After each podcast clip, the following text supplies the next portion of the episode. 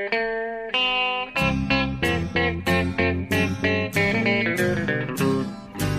out there, we're on the air. It's hockey night tonight. Tension grows, the whistle blows, and the puck goes down the ice. The goalie jumps and the players bump and the fans all go insane. Someone roars, Bobby scores at the good old hockey game. Oh, the good old hockey game is the best game you can name. The best game you can name is the good old hockey game. Hallå, hallå, hallå, hallå, hallå allihopa! Då är det dags för NHL-podden igen. Vi har kommit fram till avsnitt 122 i ordningen faktiskt nu. Och jag hälsar varmt välkommen Per Bjurman. Hur är läget?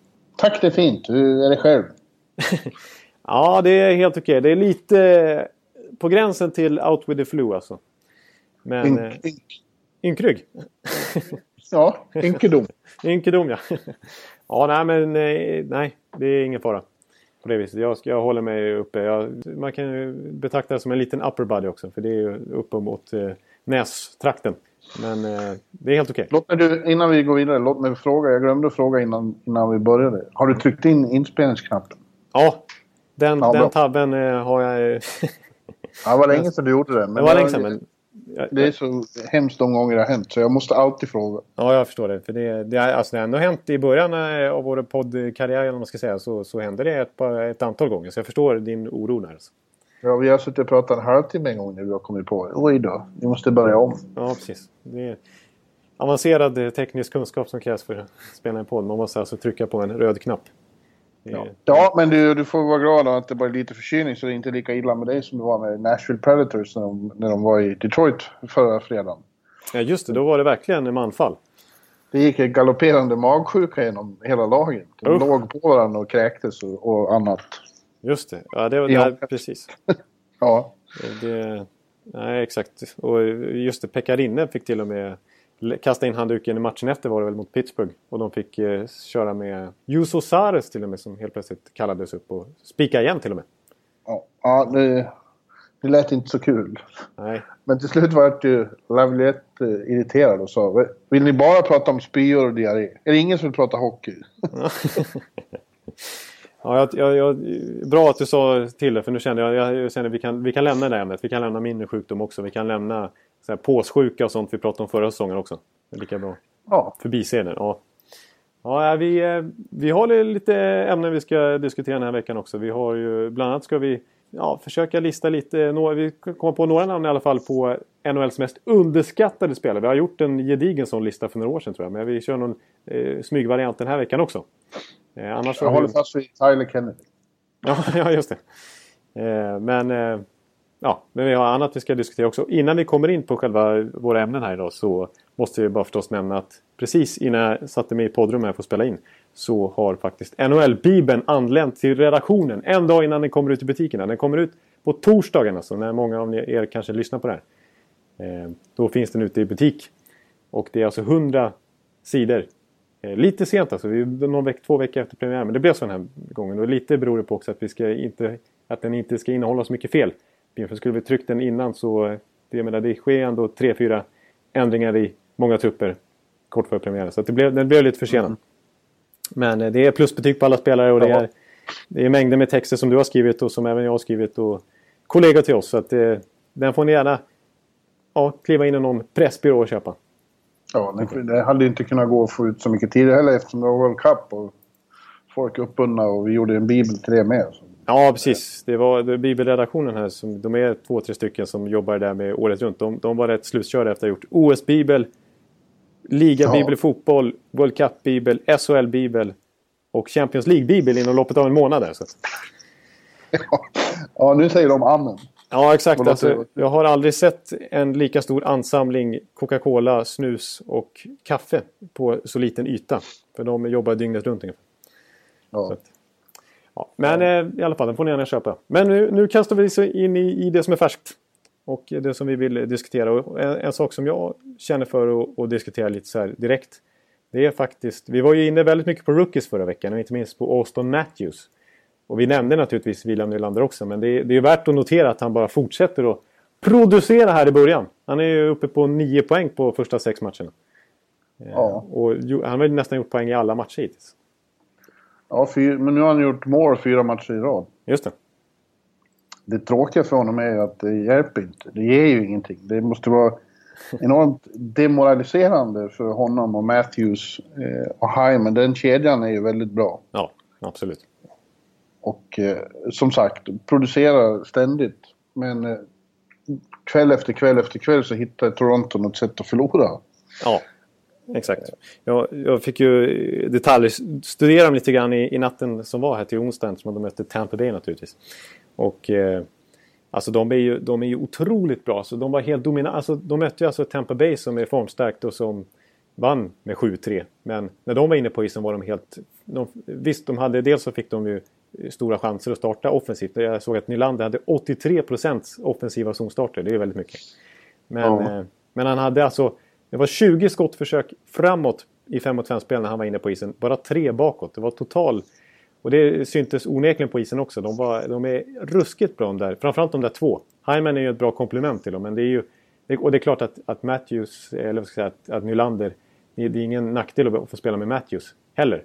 Men för, för Matthews skull också. Han skulle inte ha gjort 10 poäng på sex matcher om han inte hade haft en riktigt bra lekkamrat. För att de två, både 5 mot 5 och inte minst i powerplay när de får styra från varsin sida, ser riktigt bra ut redan nu tycker jag. Mm.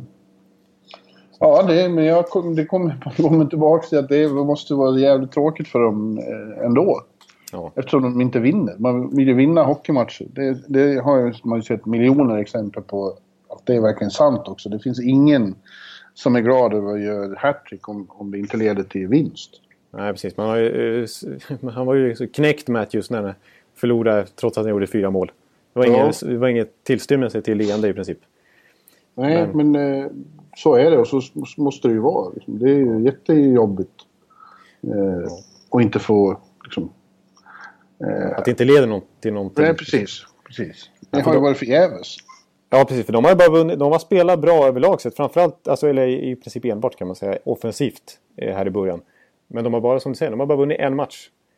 Och de har lyckats, antingen har de förlorat stort som i natt eller så har de förlorat på något vis i övertid. De har tre eh, torskar efter ordinarie tid.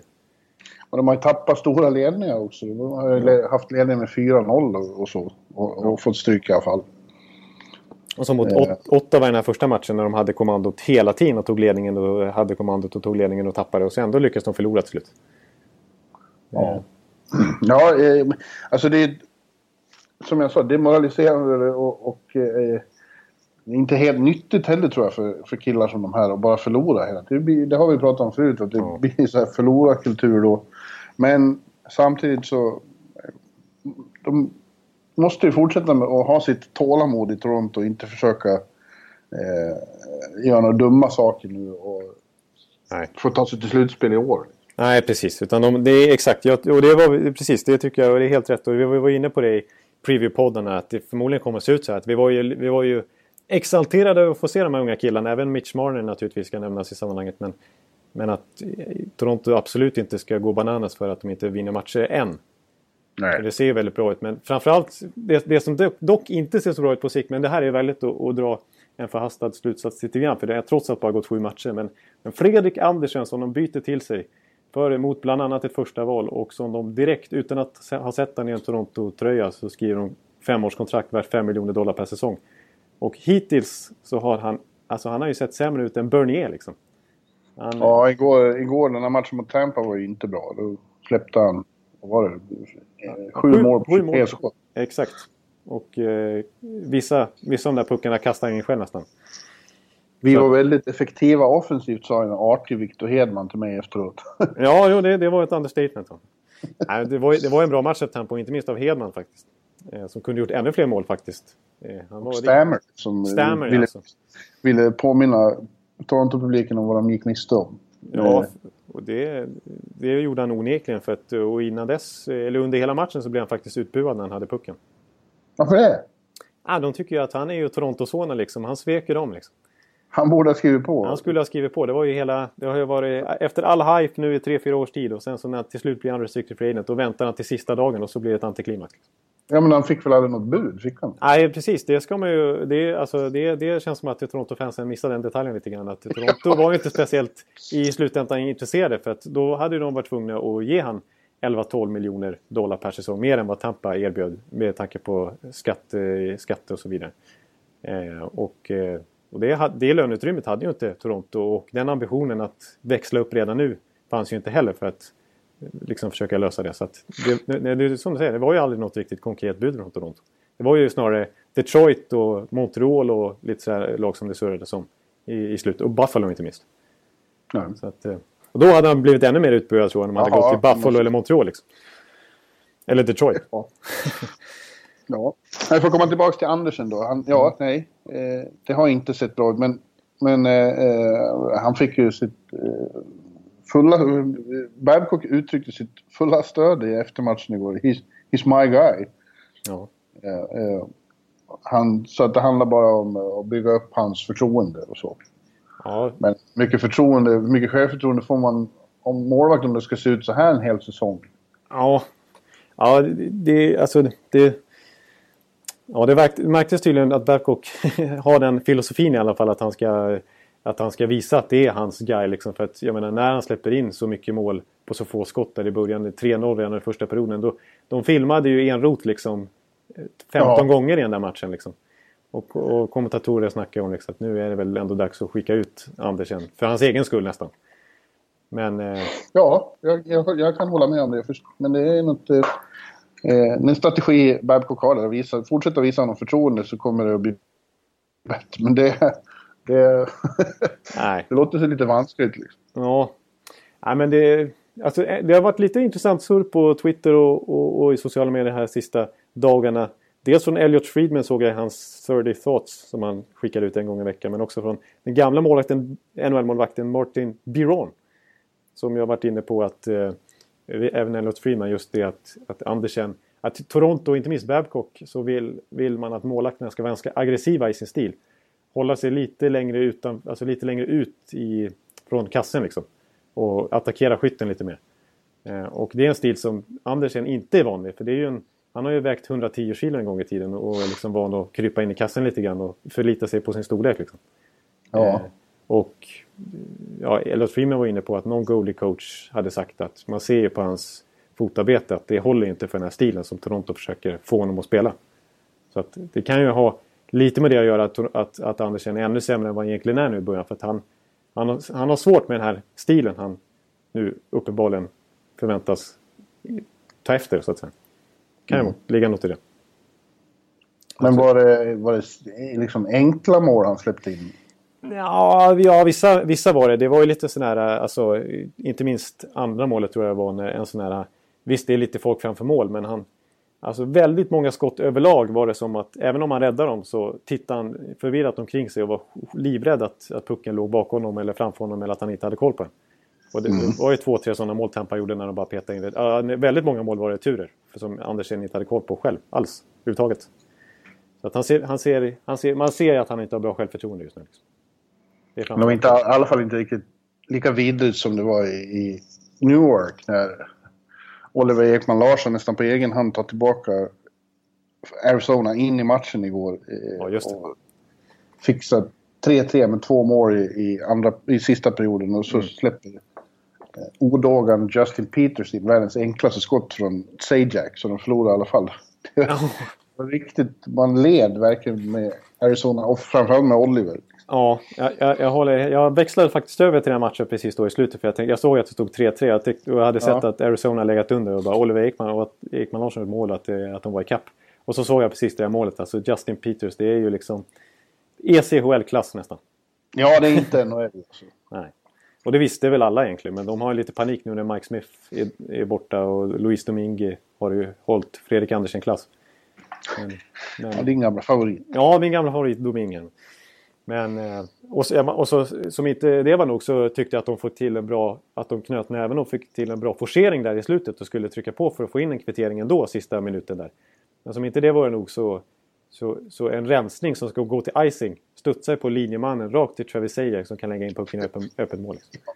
Och Alex Goligoski han, han, han drämde ju klubban i målburen så att den gick sönder i 500 bitar för att han var vansinnig. Liksom. Man såg, Ja. alltså, man såg ju, och de filmade ju liksom flera Arizona-spelare.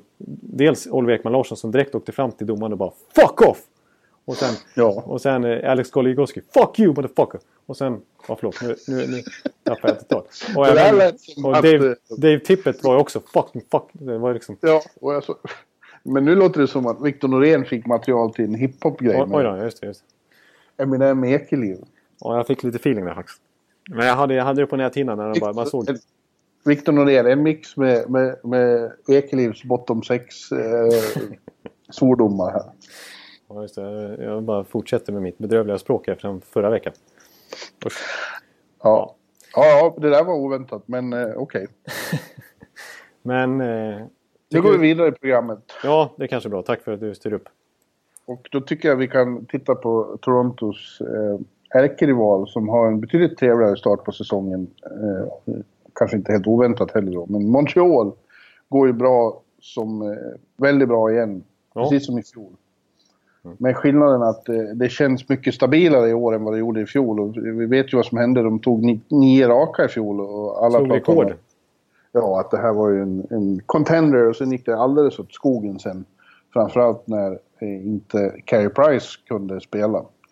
Eh, men precis som vi också pratade om i, i vår preview där så känns det som att de har fått in rätt sorts eh, spe, spelare med rätt sorts mental hårdhet. Eh, som har, har gett en helt annan... Vi såg ju när Carey Price var ju, missade ju flera matcher. Ja, det var ju. El Montoya som stod och det kändes ju på pappret inte supertryggt liksom. Nej, men eh, Price fick, blev förkyld. Så att eh, Al Mon- Montoya, the ultimate journeyman, Ja. stod men höll nollan. Och laget, framförallt viktigast av allt, laget framför dem spelade väldigt bra ändå. Ja. Förra året kändes det ju som att de inte kunde prestera när de inte hade Price. Det var inte bara det att han var bra i målet, utan de, de tappade allt självförtroende när han inte var där. Exakt, det, hela, det var mental kollaps på något vis. Alltså, Ja, men eh, Webber och eh, Shaw och, och sådana som har kommit in har, har stagat upp det där mentalt. Ja. Ja, jag håller Och med. därför tror man att den, här starten säger kanske lite mer än vad den i fjol gjorde. Ja, jag tror faktiskt det. För att det, det har, de har ju visat här, det är ju bara några matcher in, men ändå, de har ändå visat med några matcher utan Price att det har sett minst lika bra ut spelmässigt. Liksom. Ja, Jag undrar, ja, alltså Webber... jag undrar jag. Ja. Nej, men alltså, det, det är många, man kan kritisera Webber lite grann för hans, eh, eh, hans fancy stats som inte ser så bra ut. Framförallt hans förmåga att, att spela sig ur egen zon och sådär. Eh, och att han inte kanske är den modernaste backen av alla och, och faller ner lite på topplistor och så här. Och jag håller med i allra högsta grad om att eh, den traden framförallt långsiktigt inte ser bra ut med kontaktsituationen också. Men jag undrar, om man bortser lite från fancy stats där så tror jag också att, att, att det har, det har, man glömmer bort lite grann alltså vilket system de spelar i. För nu, nu lämnar Webber ett system som förmodligen inte passar honom så bra. Ett modernt framtidshockey där med Peter Laviolette när man ska spela med fart och snabba omställningar och så här. Och man, man lutar sig väldigt mycket på backar som Roman Josie och Mattias Ekholm som är skickliga på, på just den, den typen av spel. Eh, men nu, det här passar väl Webber som handen i handsken att, eh, med, med Therian. Alltså att ha den här, det här ganska komprimerade försvarsspelet och att man sen ställer om blixtar till kontringar. Liksom, inte så avancerat spel på något vis. Eh, Men det, tror jag, det var vi också inne på i Ja. preview. Att, eh, man kan tycka vad man vill om Therians lite ja, det kan man verkligen säga, men, men ändå. fyrkantiga system. Men att eh, Shea Weber i, i, sin, i sitt nuvarande skick, eh, i alla fall det här året, han passar mycket bättre in. Ja. Precis som Subban passar med all säkerhet bättre in i, i Nashville nu. Så att eh, samtidigt så är det ju nu när det har gått så bra för, för Montreal så säger, finns det de som efter sex matcher konstaterar ja, eh, succé-trade för Montreal. Det är, det är lite, till, lite förhastat. Eh, För dels var det väl i första hand på lång sikt som de som kritiserar traden tänkte. Ja, exakt. För, Men jag tycker att den har sett bra och han, han har ju sett ut som en... en ja, just att, att de har fått mer trygghet. Liksom. ja. ja, men jag tror faktiskt det. Eh, För att han har lite den auran, det får man ändå säga. Han är ju ändå supercaptain liksom. Och han, eh, alltså, det, är- det är auran kring honom. Och... Det har snabbt blivit populär i Montreal också. Det är viktigt. Ja, precis. Man har sett hur folk har klistrat över sina Piqué Subban-tröjor med... Fått bort 76an och bara 6an och sen lyckats tejpa bort allt förutom ett av ben i Subban. Och sen ja. skrivit dit Webber sen. Nu har de en ny hjälte där. Men, nej, jag håller med, det ser bra ut. Och jag tror också som du säger att, att det här... Till, även om Carey Price inte är tillgänglig i alla matcher här framöver utan att det kommer vara, om han eventuellt blir förkyld igen eller om han får bakslag på ånyo. Så, så känns det grundspelet mycket tryggare. så att, eh, och vi ska komma ihåg att jag menar, det här Therian-laget med en Care, hel Care Price-laget de vann Atlantic Division bara för två säsonger sedan och de var i final mot Rain, eller konferensfinal mot Rangers för två, tre år sedan. 2014, två år sedan. Två år sedan bara. Så att, eh, det är ju ett, det är ändå ett starkt Montreal det här när, när allt är på plats. Liksom. Ja, absolut. Och sen har ju då, nu när Price spelar så är, är han ju Carey Price. match mot Philadelphia häromdagen, då var han eh, förträfflig, varken mer eller mindre. Nej. Claude eh, Giroux eh, sa efteråt att han önskade att han hade varit förkyld, fortsatt varit förkyld ett tag. Ja. De är väl goda vänner från, från landslaget och så. Ja, just Ja. ja, men eh, och sen just i den matchen som du är inne på så gjorde ju Radulov lite avtryck också.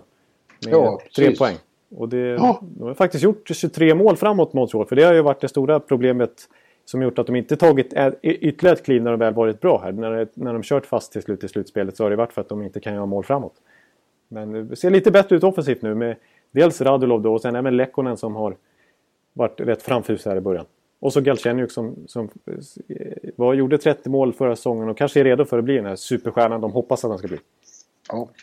Radulov fick ju stående ovationer här i, i Bell Center. Ja, just det. Är...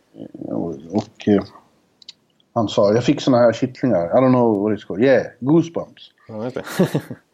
inte, förmodligen inte direkt översatt till ryska goosebumps här. Det kan jag tänka Men eh, ja, vi får hoppas att det, det, det, är ju inte på isen han har haft sina stora problem tidigare. När det har blivit Nej. knas. Exakt, alltså, han kan få ja, lite feeling ute på stan där. Ja, men för, förmodligen så, så de, de hävdar ju bestämt att de har sett att han har mognat som människa. Vi får hoppas att det är så. Det är väl lite tredje gången gilt nu också för att det är ju som sagt det är två sessioner tidigare som där skiter sig. Så nu är det väl ändå dags för honom att lära sig. Han är ändå 30 år nu. Ja. Att, eh. Ja, jag tror ändå en del på Montreal nu faktiskt. Ja, det måste jag säga också. Alltså, det är väldigt lätt som sagt att sitta här i oktober och dra slutsatser men eh, jag har svårt att se att Montreal ska kunna falla ihop tillnärmelsevis på samma sätt som förra året. Jag räknar in dem i slutspel utan tvekan. Och jag tror till och med att de kan challenge i alla fall om att vinna Atlantic Division. Alltså de kan, de kan utmana Tampa Bay om att ta hem i grundserietiteln i alla fall. Ja. I Atlantic. Mm. Ja, men du, ett annat lag som har överraskat får man ju verkligen säga eftersom vi, vi och de flesta andra sablade ner dem ganska hårt på förhand var ju ja. Detroit. Eller ja. är Detroit. Ja. Eh, men de har nu tagit fem raka segrar och det är första gången på snart två år som de har gjort det. Det är så pass till och med? Oj, oj. Ja, januari 2015 och senast. Så mm. de hade fler, fem matcher och de tog sex då. Ja. Eh, och eh, det får man ju säga... Eh, eh lite oväntat? Lite, lite oväntat, ja. Mm. Men eh, de, de, alltså grejen med Detroit, dels så, så, de är ju, alla lag är ju rätt bra när, när målvakterna spelar bra. Och nu har ju båda gjort det inläggsvis. Både Mrazek och inte minst Howard i de matcher han har gjort. Men sen? Ja, Howard var ju eh, fantastisk här på, på Madison Square Garden förra veckan. Ja, just det. det var ju, han, han, han stal ju den, kan man säga. Ja, precis. Eh, och, det är för att han tycker så bra om att spela just på Garden. Det är alltså. synd att de inte ska göra det något mer på hela ja. säsongen. ja. ja, men... Eh, och sen så tycker jag alltså, de saknar ju verkligen den här riktiga spetsen. Eh, alltså en sån här riktig Tyler Sagan eller liksom eh, C.D. Crosby för den delen. Vad som är, alltså Steven Stamkos. Men, men de har ju ändå bredd. Alltså de, de har ju Thomas Warneck. De har ju Thomas Warneck inte minst som har klivit in och gjort fyra kassar direkt där och, och sett ganska ja. bra ut. Ja, han tycks, han var ju totalt slut enligt alla Ja, utköpt till och med liksom. Ja. Men eh, så far har han varit bättre än alla de andra de har testat där genom de senaste åren. Med Brad Richards och så. Ja. Och Mike Modano. Ja, just det. Exakt. Absolut. Nej, men, Och jag, jag får ge lite bastning till mig själv för när du säger att han var totalt slut. Det sa jag senast i våran preview. I någon, någon början, början av World Cup där. Så tyckte Ja. när Europa inte såg så vassa ut. Då, då, eh, när jag framförallt eh, la märke till var ju Thomas Vanek. som jag- Och jag tror till och med att jag sa att han kommer inte bidra med mycket i Detroit i vinter. Nej, nej, nej. Så han ändå börjar med fyra kassar och fyra assist till och med. Och var kanske deras mest, en, ja, näst mest tongivande offensiva spelare. För jag skulle ändå vilja påstå att Gustav Nyqvist har varit den som varit mest stuckit ut allra mest offensivt hittills. Ja, efter... Ja, det tog ju några matcher innan han fick spräcka sin nolla. Men sen när han väl gjorde det så lossnade det. Streaky, streaky jäkel. Ja, det är, det är väl lite hans eh, aber genom karriären att han är lite streaky. Men när han väl är på topp så är han ju riktigt bra. Framförallt när han får förtroende. Alltså, ställ, sätter man Gustav Nyqvist i en första kedja så gör ju han mål till slut. Eh, Ja. Jag menar, såg ju till exempel i VM när han fick vara storstjärna i Sverige och gjorde sju kassar. Det var bara Patrik Laine som matchade det. Ändå så var han ju tokdissad i World Cup-truppen. Och jag, jag kommer inte minst ihåg när, det här har jag återkommit till några gånger tidigare, men eh, när Grand Rapids vann Calder Cup 2013 i finalen mot mitt Tampa Bay farmarlag där så var ju Gustav Nyqvist en mardröm för mig på nätterna. Usch vad han gjorde mål hela tiden. Och, och levererade och dominerade. Så att, alltså, men förra året så när han inte gjorde mål på ett tag då skickades han ju rakt ner i tredje eller till och med ibland i fjärde kedjan och fick väldigt lite minuter per match. Så att han, han är ju lite beroende av att man liksom ger han chansen verkligen. Och, och litar på honom. Och jag tycker han är lite underskattad också för sitt tvåvägsspel. Alltså han, med sin fart så är han ju, och ettrighet så är han ganska effektiv tycker jag i båda zoner med att jaga puck och störa motståndaren och sådär. Och ligga upp och forechecka liksom. Så jag tycker inte bara Lille- att han är en målskytt liksom. Lille Skutt, som han kallar Ja just det, Lilleskudd. Det är ju passande. Ja, det är det. Men det är också några av de här yngre... I, i, i matchen igår mot Carolina då, då var ju eh, Dylan Larkin Ja. eh, hade en fin kväll och gjorde två mål. Men det är fler som... Vi har ju tjatat om det att några stannar utvecklingen och inte blivit det vad man trodde att de skulle bli för några år sedan. Bland annat Nyqvist får vi ändå säga. Och, och Tatar till exempel. Och, Ja, men nu är det den här eh, unge herrn Andreas, eh, hur man nu uttalar ja, det hans där namn. är tveksamt. Men någon typ är hon. Ja, precis. Du får säga det. Eh, han har ju också sett mycket lovande ut här i starten. Ja, och han har också just eh, egen, den här moderna egenskapen av att vara extremt snabb och kunna hantera pucken i den farten. Liksom. Alltså det, det kommer man väldigt långt på. Ja, Bra skott och bra liksom, killerinstinkt mot kassen. Så han, han tror jag på. Jag tyckte han såg bra ut redan i fjol när han kallades upp som en liten nobody. Och nu har han... nobody. Ja, men han var ju ingen... Ja, men man trodde ju mer på en sån som Anthony Manta till exempel som har varit ganska hypad. Men han har ju fortfarande inte alls eh, förtjänat chansen i NHL faktiskt. Utan det är ju Athanasiou som inte minst har tagit chansen. Eh, Och så tycker jag att, att bredden är ganska bra. Dels när, när man kan få in lite djup i formen sån som eh, Athanasiou. Men också alltså, eh, alltså Glenn Denning har börjat säsongen bra. Och, alltså, Man ska inte heller glömma Frans Nilsson som ju... Nej. Eh, möjligen... Jag har inte hunnit göra den här listan du pratar om, men han skulle nog hamna på den. Mm. Så Under- honom kan vi återkomma till. Ja, han är, han är underskattad. Det håller jag med om. ja. Eh, jag tror han har betytt mycket för eh, alltså balansen i, i anfallslinjerna där. Ja, precis. Det, det tror jag också faktiskt. Och han, är, han är ju så användbar på, på massa olika sätt. Han är ju en av NHLs skickligaste defensiva forwards. Men han är absolut inte oäven offensivt heller. Och kan ju anpassa sig i en tredje kedja såväl som en första kedja liksom. Det känns som en sån kille som lyfter sina lagkamrater omkring sig. Ja, och tydligen så eh, kan eh, störa motståndarna på olika sätt. Zuccarello berättade i World Cup att eh, ja, han hade blivit väldigt god vän med, med Frans Nilsson där. Men han var förvånad över att det var en så trevlig person. För att alla år de hade mötts på isen i New York-derbyn så var det en av dem han tyckte allra sämst om. Alltså, det är, sådana tankar har jag inte haft om Frans Nielsen. Han kanske är, han är en, ett svin. Ja, ja han, liksom, de två hade åtminstone haft en väldig, väldig rivalitet på isen. Nu är ju Zuccarello själv inget eh, Guds bästa barn på den Nej. punkten. Ja, just det. Ja, det kanske är utifrån hans vinkel då förstås. Men jag, men eh, jag kan tänka mig att eh, Frans Nielsen däremot är väldigt trevlig off-ice. Ja, Känns som ja, en verkar- sympatisk dansk. Ja. Att, eh, Ja. Men eh, låt mig bara eh, slänga in en brasklapp här om att det är tidigt på säsongen och eh, Detroit har börjat bra förut, även om det var ett tag sedan de hade så många vinster på raken då. Så jag, jag, jag avvaktar fortfarande ett tag med... Vad är det du brukar säga när tabellen har satt sig? Det är någon ja. gång i november? Ja, precis. Det brukar vara i... Eh, vad brukar man säga egentligen? Eh, Thanksgiving. Det är väl slutet ja. av november ungefär. Ja, det är en månad kvar. Ja. Precis, och jag, vi kommer faktiskt, eh, apropå Detroit och bra starter så gjorde de ju det förra året också. Alltså det, vi snackade ju om att, hen, att hen, Zetterberg, Larkin och Adolkade var den bästa kedjan första månaden. Ja, så att, ja du ser. Och då började de också starkt Detroit som lag överhuvudtaget. Så att, om Rasek var ju kung i kassen då, men tappade efterhand. Så att... Eh, nej, jag, håller, jag, jag, jag står fast vid att Detroit får svårt att nå slutspel men de kommer vara med och kriga. Det, det är frågan. Say hello to a new era of mental health care. Cerebral is here to help you achieve your mental wellness goals with professional therapy and medication management support. 100% online. You'll experience the all new Cerebral Way, an innovative approach to mental wellness designed around you. You'll get a personalized treatment plan from a therapist, prescriber, or both in a safe and judgment free space. Your cerebral therapist or prescriber will outline a customized plan with clear milestones along the way so you can get to feeling your best. With Cerebral, you're not alone in your mental health journey. We're here to empower you to live a fulfilling life. So take that first step towards a brighter future and sign up today at cerebral.com slash podcast and use code ACasts to get 15% off your first month. Offer only valid on monthly plans. Other exclusions may apply. Offer ends July 31st, 2024. See site for details.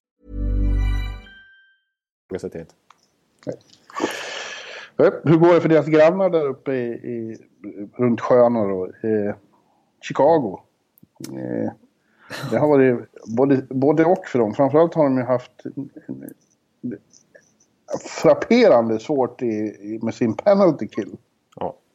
Det, har varit... det, blir, det blir vår hela tiden, motståndarna får powerplay. Ja, det är ju helt sanslöst alltså. Det är, ja, jag, jag, har inte statistiken exakt i huvudet nu, men de har ju legat under 50% i boxplay i alla fall. Ja. Eh, och eh, alltså det är precis mer än varannat powerplay har motståndaren gjort mål på. Då har vi ändå kommit in 6-7 matcher i grundserien. Så det är ändå lite sample size ändå. Det är ju riktigt oroväckande trend. Eh, och de har varit extremt passiva. alltså, det är verkligen som du säger. Det, är, det, har varit, det har varit mål. Alltså det har varit, det har varit eh, total livsfara och panik i Chicago-läget så fort de har fått en man utvisad. Ja, och det är väldigt konstigt. Jag, jag såg, jag pratade inte med honom, men jag såg att Hjalmarsson hade uttalat sig i i lokalmedia där.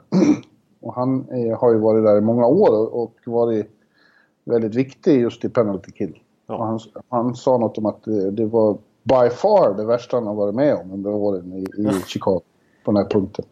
Ja, då har han ändå varit där i 7-8 ja, år nu. Liksom. Ja.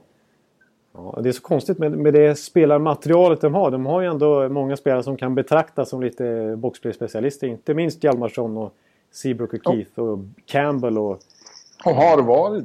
Ja, har varit ja det är verkligen. Det har varit en styrka, en nyckel för dem i sina Stanley Cup-titlar. Alltså ja. special teams i båda håll. Men det är något, det var någon som har pekat på att de är för, för, för passiva. Eh, de har en tät eh, box men, men vi fastnar i den boxen. Det är ingen, de eh, har inga, kommer aldrig upp och, och stör den som står på point. Nej, det, det, där är ju, tycker jag är verkligen... Jag gillar inte alls boxplay som är passiva. Så jag tycker man ska vara... Visst, man, vissa coacher är säkert lite rädda för aggressiva boxar. Att man kommer ur position lätt. För missar man en forecheck lite grann eller en stötning lite grann så kan man ju hamna snett. Men det blir, det, alltså, det blir så otroligt mycket svårare att etablera spel om man möter ettriga motståndare istället för folk som, som backar tillbaka och låter en spela. Och inte minst tycker jag att det blivit tydligare de senaste åren sedan eh, zonerna blev större. För då, då finns det så mycket mer yta i offensiv zon. Och ger man bort all den ytan så är det ju jättelätt att sätta upp ett offensivt powerplay. Och med kvaliteten som finns i NHL idag så finns det ju, har ju alla lag tillräckligt många bra spelare för att få ihop en fin powerplay-kedja som kan straffa vilken motståndare som helst. Om man är för passiv. Ja. Att, eh, ja, precis. Det är, det är då det känns som det blir farligt i powerplay. När, när lag får ställa upp. Ja, exakt. När, det, när man, när man tillåts göra Ja, men mer aggressivt så, så, så blir det väldigt lite med det. Ja, precis. Då blir det oftast att eh, det blir någon chansning hit och dit och sen någon, någon, någon svår crosspassning och så glider pucken ur zon istället. Och så blir det inte så mycket och då försvinner de där två minuterna ganska snabbt. Ja. Ja, det måste vara oroande för dem. För Quenville måste vara förbryllad och... och, och ja, måste ta tag måste göra en ändring helt enkelt. Ja, och jag som eh, gillar Mike Kitchen, deras eh, backcoach. Som, eh, jag, jag har en känsla av att han borde kunna styra upp sånt där bättre än vad det sett ut hittills. Ja. Men offensivt har de kunnat glädjas åt att några stycken har... Eh, inte, inte the usual suspects utan några andra. Framförallt Anisimov och, och ja, Panik. Har haft, ja just det, Panik har ju haft en helt sanslö. Han har gjort mål på... Sex mål på nio skott. Ja. Det är nästan rekord. Ja. Medan eh, Kane och Taves har varit betydligt beskedligare produktion den här gången. Ja, precis. Eh, Jonathan Taves har det blivit en vana nästan att han startar så här segt och gör knappt en poäng i början. Liksom. Eh, två assist har han gjort på sju matcher. Ja. Medan Anisimov ligger på nio poäng på sju matcher, fyra plus fem. Ja. Kane i alla fall uppe på åtta poäng. Den regerande poängligavinnaren. Han har ju spelat extremt mycket. Det måste jag säga att jag är lite orolig för. Att jag har sett att Kane har spelat vissa matcher, alla matcher över 22-23 minuter. Vissa matcher uppåt 30 minuter som forward. Och det tycker jag är lite oroväckande när vi ändå är inne i oktober och match omgång 5-6. När han ska spela som forward, som vinge, som aggressiv liksom, eller stötande ytterspelare ska, ska lira en halvtimme på match redan nu. Det tycker jag inte känns så lovande om eh, Chicago har planer på att spela in i maj-juni. Liksom. Ja. Eh, mm. Hörru du, ska vi... Eh, tycker du vi ska ta upp något mer lag? Ja, det ska vi. Ja. Vi ska ta upp eh, just att Crosby gjorde comeback i, ja. i natt. Tack och lov så var den här eh, hjärnskakningen inte alls eh, så allvarlig som man kunde befara för en som har haft så allvarlig hjärnskakning förut. Utan efter två veckor är han tillbaka och det började direkt med att han gjorde mål. Såklart. Ja. ja, precis. Ja, det, jag såg att du hade pratat med Hagelin också som konstaterade att det märktes att det var, inte var vem som helst som kom tillbaka. Nej, precis. Han säger han, det, var världens, det är världens bästa som kommer tillbaka så det blir en helt annan go i laget. Han får fart på alla med sin tävlingsinstinkt. Samtidigt som eh, Hagelin konstaterar att eh, laget fortfarande inte har spelat riktigt bra, sin bästa hockey någon enda gång under säsongen. Nej, eh, men, men har hittat sätt att vinna ändå. Ja, de leder ju faktiskt, ja, de leder faktiskt Metropolitan just nu i alla fall. Ja. Och jag tyckte i, i sista perioden, jag såg inte så mycket av den, just den matchen med Florida Crosbys comeback där, men jag tyckte det var lite likt förra säsongens tendenser där med att även om inte någon av toppkedjorna, vilket de nästan alltid gjorde förra året, men att om inte de riktigt har en sin kväll och levererar så var det till och med så att eh, fjärdekedjan med Matt Cullen och, och Russ och eh, där Kunakel, att de, de var ju jättebra och avgjorde matchen. Det var ju Fear som gjorde det avgörande målet. Ja, och strax innan hade Hagelin kvitterat. Ja, Hagelin himself liksom. Eh, hans och första mål för säsongen. Ja, Bonino, Bonino, Bonino, Bonino. Ja, då var det, väldigt, då var det otäckt mycket slutspelstankar jag fick i hjärnan där. Ja, ja men, eh, men ändå så tycker de inte att de har spelat bra. Det är, de kommer ju att bli ett... De är ju en fantastisk contender. Ja, och nu när, nu när om Crosby kan veva igång och nu när dessutom Matt Murray har gått på is och tränat för fullt och verkar vara redo för att starta när ja. som helst. Då, ja. då ser det där laget, eh, då känns det som att de har sin toppplacering de har erövrat nu för att, för att ha kvar den. Morsning, korsning. Ja. ja Motståndarna. Ja, precis. Ja, ja. Då, då, då blir det svårt att hänga med. Innan, innan vi kommer till din lilla lista så skulle, vill jag också bara säga att eh, två som inte vill ha börjat så riktigt så bra som man trodde är väl Ash, Dallas och Nashville. Men det finns sina skäl till det. Som sagt, vi pratade om Nashville där. De har ju legat och spytt på varandra. Ja. Eh, och då är det inte så lätt. Men eh, de behöver få igång några stycken. Filip till exempel har haft en trög start. Ja. Filip Forsberg och behöver komma igång. Men i Dallas är det ju så att de har ju så mycket skador så det är inte klokt då. Ja, det är helt sanslöst alltså. Det är två kedjor som är borta kan man säga. Det är, och det är inte vilka som helst. Det är ju det är Sharp som har fått hjärnskakningsproblem själv nu. Ja. Och eh, Spetsa som eh, har varit eh, lite in and out här. Och Hemsk ja. lika så. Och eh, det, det, är ju naturligtvis så redan innan säsongen när Nishuskin stack till KHL var ju ett hårt slag och sen att Janmark gick sönder. Han är ändå en, har ju ändå varit en stabil kille i andra eller tredje kedjan liksom. Ja. Och det är fler namn, det var bara några stycken. Det är ju väldigt många som är borta. Jag såg ja, det... i, i, i nattens match fick de spela fick de ju sära på Ben och Segen för att liksom jämna ut kedjorna lite. Och då fick de köra Lauri Kor Korpikoski i första kedjan med Tyler Segen. Ja. Det, det, är ju inte Dallas-klass. Ja, ändå har de tagit tre segrar och vann i, i natt då. Men, eh, och samtidigt har inte deras... Ett sånt offensivt vapen som John Klingberg har inte kommit igång än. Han har inte gjort sitt första mål än. Eh, Nej, precis. det blir det mycket surr om där då. Men det känns som att det är lika som med Nyqvist, får han bara göra det. Så, och lika med Filip. Får han bara spräcka den nollan så kommer det. det kommer, ja, jag, jag, jag, tror faktiskt att det, det kommer släppa det. Alltså framförallt ja, för båda lagen. När de, när de får vara hela och friska så, så, så är jag inte speciellt orolig för Nej. Det enda man möjligen kan vara orolig för med Filip, om, om landslaget tog självförtroende av honom genom att inte låta honom spela som han ska. Han inte fick göra några mål där. Ja, han hade lite... Det blev en liten...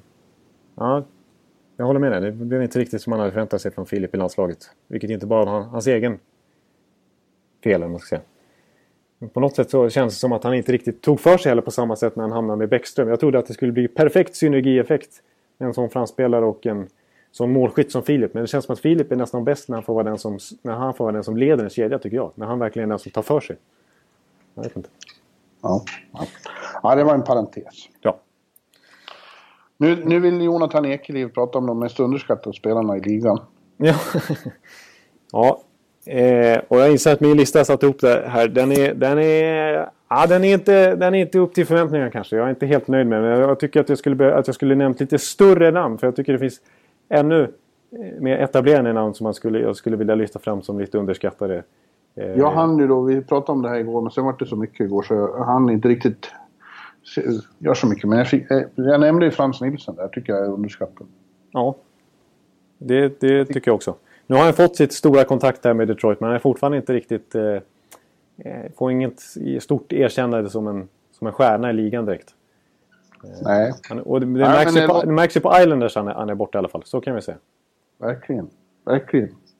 Ja, men låt höra då vad du har kommit fram till för obskyra namn. Ja, det här, det här är obskyra namn faktiskt. Så att det, jag, jag, jag, jag nämner väl dem. Eller jag börjar helt enkelt. Ett som, inte är, som kanske är bland det minst obskyra på, på listan. Det är faktiskt det här namnet. Eh, Vincent Trocek. Ja. Eh, ja, i Florida. Han, han är det minst obskyra namnet. ja, men, eh, ja, men är han... Är på AHL-nivå nu sen? Ja. Nej, men han är i alla fall... Eh, han har i alla fall etablerat sig som andra center där och, och eh, så att eh, underskattad kanske att ta i, men jag tycker jag, jag är sjukt imponerad av han förra året. Jag var lite, nästan lite avundsjuk att det kändes som att Florida, min lokalrival, hade fått fram sin egen Tyler Johnson en liksom småväxt spelare, center med just de där egenskaperna. Extremt snabb, extremt eh, agility, alltså han är smidig som bara den. Och liksom ta sig fram på isen och hård i kroppen, låg tyngdpunkt. Och svår att ta pucken av. Alltså jag tycker han är typiskt modern tvåvägscenter.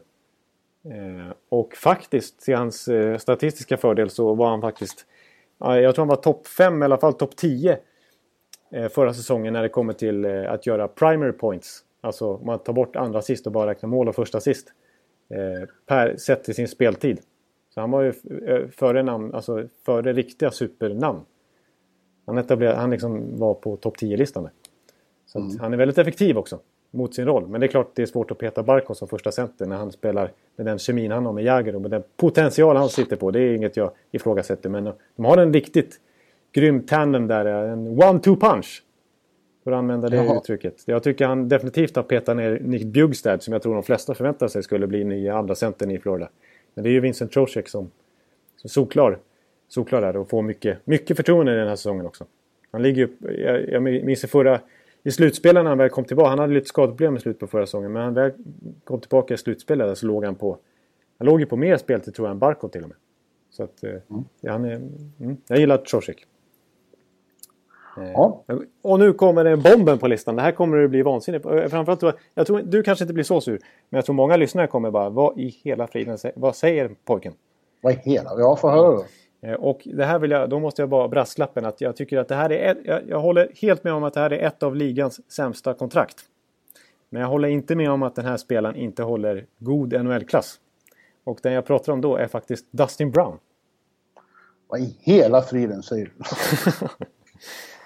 Nej men... Han... Nej men vad fan säger du? Varför skulle inte jag reagera på det? Jag tycker han har varit bedrövlig de senaste åren. Ja, precis. Alltså, statistiskt sett så har han katastrofal eh, alltså, mot, mot det kontrakten. Han har ju inte kommit över 30 poäng en gång de senaste tre åren. Eh, men till Dustin Browns försvar så vill jag här släppa några grejer som, som talar till hans fördel i alla fall. Eh, det är faktiskt att han är ju... Nu ska vi se vad jag skriver upp här egentligen. Eh, under de, de, de här tre senaste åren när hans produktion verkligen har ras, rasat ihop. För dessförinnan gjorde han, var han ändå god för 50-60 poäng. Och det är därför han kunde skriva det här kontraktet. Och för hans insatser i slutspel också. Men de senaste, han är faktiskt den 15 bästa den 15 bästa corsi-procenten 5 mot 5 senaste tre åren under sina skitår. Det vill säga att han, han, är, han har riktigt bra possession-siffror och flyttar fram spelet när han är inne på isen. Och eh, skapar, alltså sett till sin speltid så var han topp 5 i ligan i antal skott förra säsongen. Eh, eller nej, inte topp 5, han var 13 plats men ändå. Det är extremt bra. Och en lite udda statistik som också man inte tror om Brown som man tycker är en liten retsticka och sitter i utvisningspåsen mycket. Sen 2010 så har han faktiskt eh, eh, ådragit sig, eller vad man ska säga, alltså, alltså, att han har fått motståndarna att ta 67 utvisningar fler än vad han själv har dragit på sig. 67, ja. två minuter som han har, som fler än vad han själv har dragit på sig. Det är ganska anmärkningsvärt ändå. Däremot ja. som sagt så gör jag inte tillnärmelsevis lika mycket poäng som han förväntas göra med det här kontraktet. Och det gör ju att han... Är, att, att han och det är nästan det viktigaste ändå. Det, det handlar ju om... Det, ja, det, corsi hit och corsi dit spelar ingen roll så länge man inte producerar. Och Nej. så länge Kings går knackigt och missar slutspel och åker ut i första rundan som de har gjort här på slutet. Ja. Ja, och då är det slutspelet han brukar vara som, Det brukar hända något och han blir bättre då. Ja, precis. Och det är, det är, ingen, det är ingen slump, eh, tycker någon, att han blev av med C här. Att Kopitar fick ta över det, det står jag bakom till fullo. Men jag tycker ändå att... Alltså, Ja, han, alltså att, att, han i, att han inte skulle hålla... Att, liksom att han inte skulle hålla någon vidare NHL-klass längre. Det håller jag inte med om. Alltså skulle, skulle jag kunna ta in Dustin Brown på 2 miljoner per säsong. Då skulle jag tycka att det var riktigt bra. Du vill ha honom till Tampa? Ja, men absolut inte för det där kontraktet. Då vill jag inte röra han med tång. Men skulle han vara free agent i sommar och man skulle kunna plocka honom för en billig peng. Då skulle jag definitivt plocka in i laget. För att, eh, som breddspelare så, så han, kan han fortfarande fylla, tjäna ett syfte. Han har börjat den här säsongen rätt bra också. Gjort producerar lite grann och skjuter väldigt mycket. Så att han är inte helt, eh, inte helt slut som spelare, det tycker jag inte. Men som poängproducerande spelare är han tvärslut. Så. Ja. Ja, ja, ja, ja, du, får du får väl eh, stå för det då. Ja, jag får stå för det. Jag tror inte jag får så mycket cred för den. Men eh, eh, nästa spelare på listan är också en... Tyler Kennedy. Tyler Kennedy. Han är underskattad. Han får inget kontrakt. Nej, usch. Stackars Kennedy. Han, din gamla favorit sen tre år tillbaks. Eller ännu mer, sen fem, sex år tillbaks. Sen tio år tillbaks? Sen tio år tillbaks här, vi ska eh, faktiskt eh, konstatera. Ja, men en annan som jag tror du kanske gillar lite grann för att han är i alla fall Dallas-spelare och ingår lite i den, deras... Eh, för jag tycker att han är inte en typisk Dallas-spelare men han är, han är det på det viset att han är en extremt modern... Han är nutidens enforcer. Antoine Roussel. Ja. Som ju är som god. fortfarande kan vara väldigt nyttig på andra sätt också. Precis, alltså han, han gör ju 30 poäng per säsong ungefär. Du, gör en, du får en 13-14 mål av honom. Och han, han, är, jobb, han är en riktig sån som eh, alltså syns extra mycket i slutspel också. Eh, men, men han är ju också verkligen en sån som kastar handskarna och är en showman för publiken och tacklas som en galning. Och jobbig för motståndarna att möta också. Så jag tycker att han är... Han är ska Enforcers leva vidare i NHL då är det av typen Antoine Rosell. För han fyller fortfarande i allra högsta grad en funktion i, i NHL. Och jag tycker han är lite underskattad. Så att, eh, ja, håller med. Ja, ja, ja, det, var, det var bättre än Dustin Brown fall. Ja, det var det. Eh, och nu kommer nu är vi nästan nere på, eh, nu är det inte, nu är det inga stora namn här. Jag har ett stort namn kvar faktiskt, men det här, är, det här blir jag lite besviken på. tror jag. Paul Byron i Montreal. Ja, nu är vi nere på väldigt... Eh, jag har ingen åsikt. Nej, precis. Det är till och med... Nej men alltså, han, han, jag har sett på, inte minst sista tiden på, på Twitter hur Montreal-fans som ju har en förmåga att vara ganska lyriska över sina egna spelare. det är väl alla fans i och för sig. Men, eh, särskilt nu när det går bra. Jag har ju en nära vän till exempel som pratar väldigt mycket om Montreal. Som du kanske känner till. Men, mm. eh, men eh, han, på Twitter skrivs det ju Usain Byron och eh, Breakaway Byron liksom. Han är ju extremt snabb. Och extremt bra i boxplay. Och på, han gjorde ju tre mål i numerärt underläge förra säsongen. Och blev faktiskt framröstad av Montreals spelare. Som deras stora unsung hero förra säsongen. Av eh, spelarna själva. Eh, en kille de inte vill vara utan. Eh, men han, har, han, är, han är naturligtvis en begränsad spelare som ska hålla till i tredje fjärde kedjan. Men som kan spela såväl center som ytterforward. Och är grym i boxplay som sagt och extremt snabb. Och det, det passar ju. Och då, det är kanske lite motsägelsefullt då med Therians spelstil som vi betraktar som lite omodern. Men han vill ju ändå ha de här killarna som sticker iväg blixtsnabbt på kontringar när de väl får lägen. Och då, det är just den, i just det systemet är Paul Byron perfekt. För han blev ju, dessförinnan blev han faktiskt wavad av Calgary. Och det är inget gott eh, tecken. Inget gott eh, liksom, komplimang till han som spelare. Men i just Montreal så passar han perfekt. Så att, eh, ja. Jag vill lyfta fram honom lite grann. Och den sista är att jag, jag nämner här. Jag hade kunnat nämna mycket större namn men, men det här är ganska stort i alla fall. Eh, och det här kanske inte du håller med om att han är underskattad, men, men jag säger faktiskt Corey Crawford. Ja, men det, det finns det har jag hört förr. Alltså, det mm. finns ju många som tycker att han har så fantastiska siffror så att eh, inte får riktigt det erkännande han ska ha. Att han är mycket viktigare för Chicago än vad han får cred för. Ja, precis. Jag behöver inte gå in allt för, för djupt på det, men det känns som att han Eh, I och med att han ändå sitter på 6 miljoner dollar per säsong, vilket jag inte alls tycker är orimligt för en första målvakt och han är ju till och med en bra första målvakt. Eh, så, eh, eh så tycker jag, och då tycker liksom man, i och med Calgarys cap-problem så kanske de ska växla ner lite på målvaktsfronten. Är verkligen Corey Crawford så bra så att de måste betala han de pengarna? Men han är faktiskt det. Och han har i allra högsta grad del i deras eh, dubbla Stanley Cup-titlar. Det var ju Antiniemi av alla som stod första gången. Ja, det var ju det. Mm. Men, eh, men Cole Crawford är en, en bra målvakt. Och det var ju till och med så att Babcock och gänget och Quenville stod i och för sig som, som assisterande och hade del. Men det gjorde även Barry Trotz. Det var, då valde faktiskt Corey Crawford före Braden Holtby som andra keeper i World Cup. Jo. Mm. Eh, det säger en del om vad, vad coacherna har för syn på honom. Så att han är en av NHLs bästa målvakter, Corey Crawford. Men det tror jag inte att han har erkännande som eh, generellt sett. Jag tror många väljer andra målvakter före. Och det känns som att Corey Crawford, han har väl typ aldrig blivit nominerad till Vessina. Väldigt sällan i alla fall. Om ens någon gång. Nej, det är för att han, är, han har ingen särskilt eh, spektakulär stil. Nej, precis. Exakt. Och han, har, han, han ligger liksom omkring 92,5% i räddningsprocent och det är ju riktigt bra. Men han ligger inte på 93 eller drygt 93 som det kan krävas för att bli Vessi-nominerad just en säsong. Men han är väldigt stabil på en nivå under en lång tid nu. Det, ja precis. Så jämn, som Lundqvist. Ja, lite grann så. Ja, det, var, det var fem namn i alla fall. Ja, nu slänger jag in Phil Kessel också bara för ordningens skull. Alltså du, ja, ja. Mm. Jag tycker fortfarande han är underskattad om man ser till eh, hur hånad han blir och hur bra han är egentligen. Ja, ett av...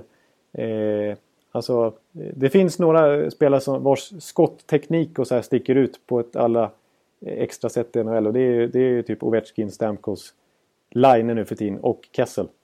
Ja, men han är, han är underskattad på andra sätt också. Ja. Det tyckte jag man såg under slutspelet i fjol. Ja. Han, han är... är... inte så endimensionell. Nej, alltså... Och har man, har man fart dessutom som han verkligen har, trots att man tycker att han väger för mycket kanske. Så, så, så är han ju... Så är han ju det där är mest en synvilla. Ja. Eh, jag, jag kommer ihåg att jag skrev ett dokument till honom till förra NHL-bibeln när han pratade lite om eh, hans, eh, eh, hans, hans eh, fäbless, hans förkärlek till fryspizzor och, och mjukglass och sånt där. Så att han, han, han unnar sig lite sånt, men det är han ju värd. Så som han har presterat här senaste året, det tycker jag. Eh, jaha, men andra människor är inte värda det? Jo, det, det är de också. Det är de också.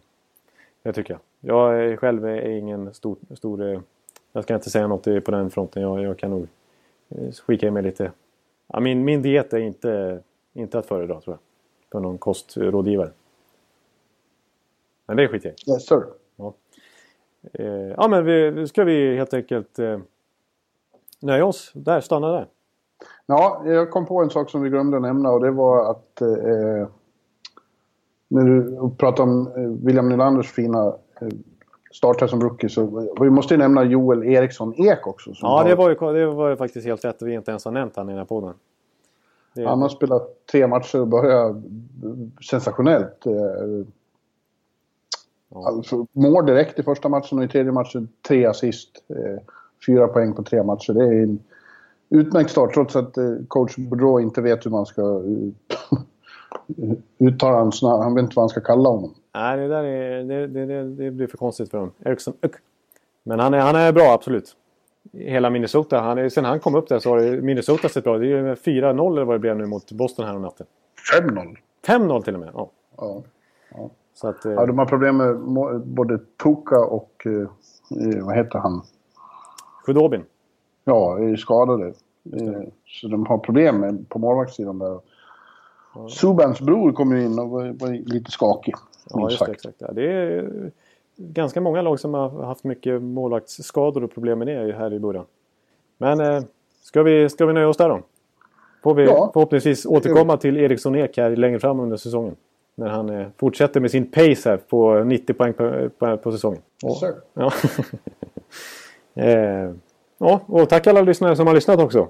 Och eh, Får se, ni, ni kan ju höra av oss till, på Twitter eller på sociala medier på något vis om ni vill. Eh, om ni tycker att eh, de här underskattade namnen var helt åt helvete. Eller om ni har egna förslag som borde definitivt ha nämnts i sammanhanget. Så att eh, vi tackar för oss. Det gör vi. Och hörs nästa vecka. Hej! Hej! Oh, take me where the hockey players face off down the rink And the Stanley Cup is all filled up for the champs who win the drink Now the final flick of a hockey stick and a one gigantic scream. The puck is in, the home team wins the good old hockey game. Oh, the good old hockey game is the best game you can name. And the best game you can name is the good old hockey game. Oh, the good old hockey game is the best game you can name. And the best game you can name is the good old hockey game.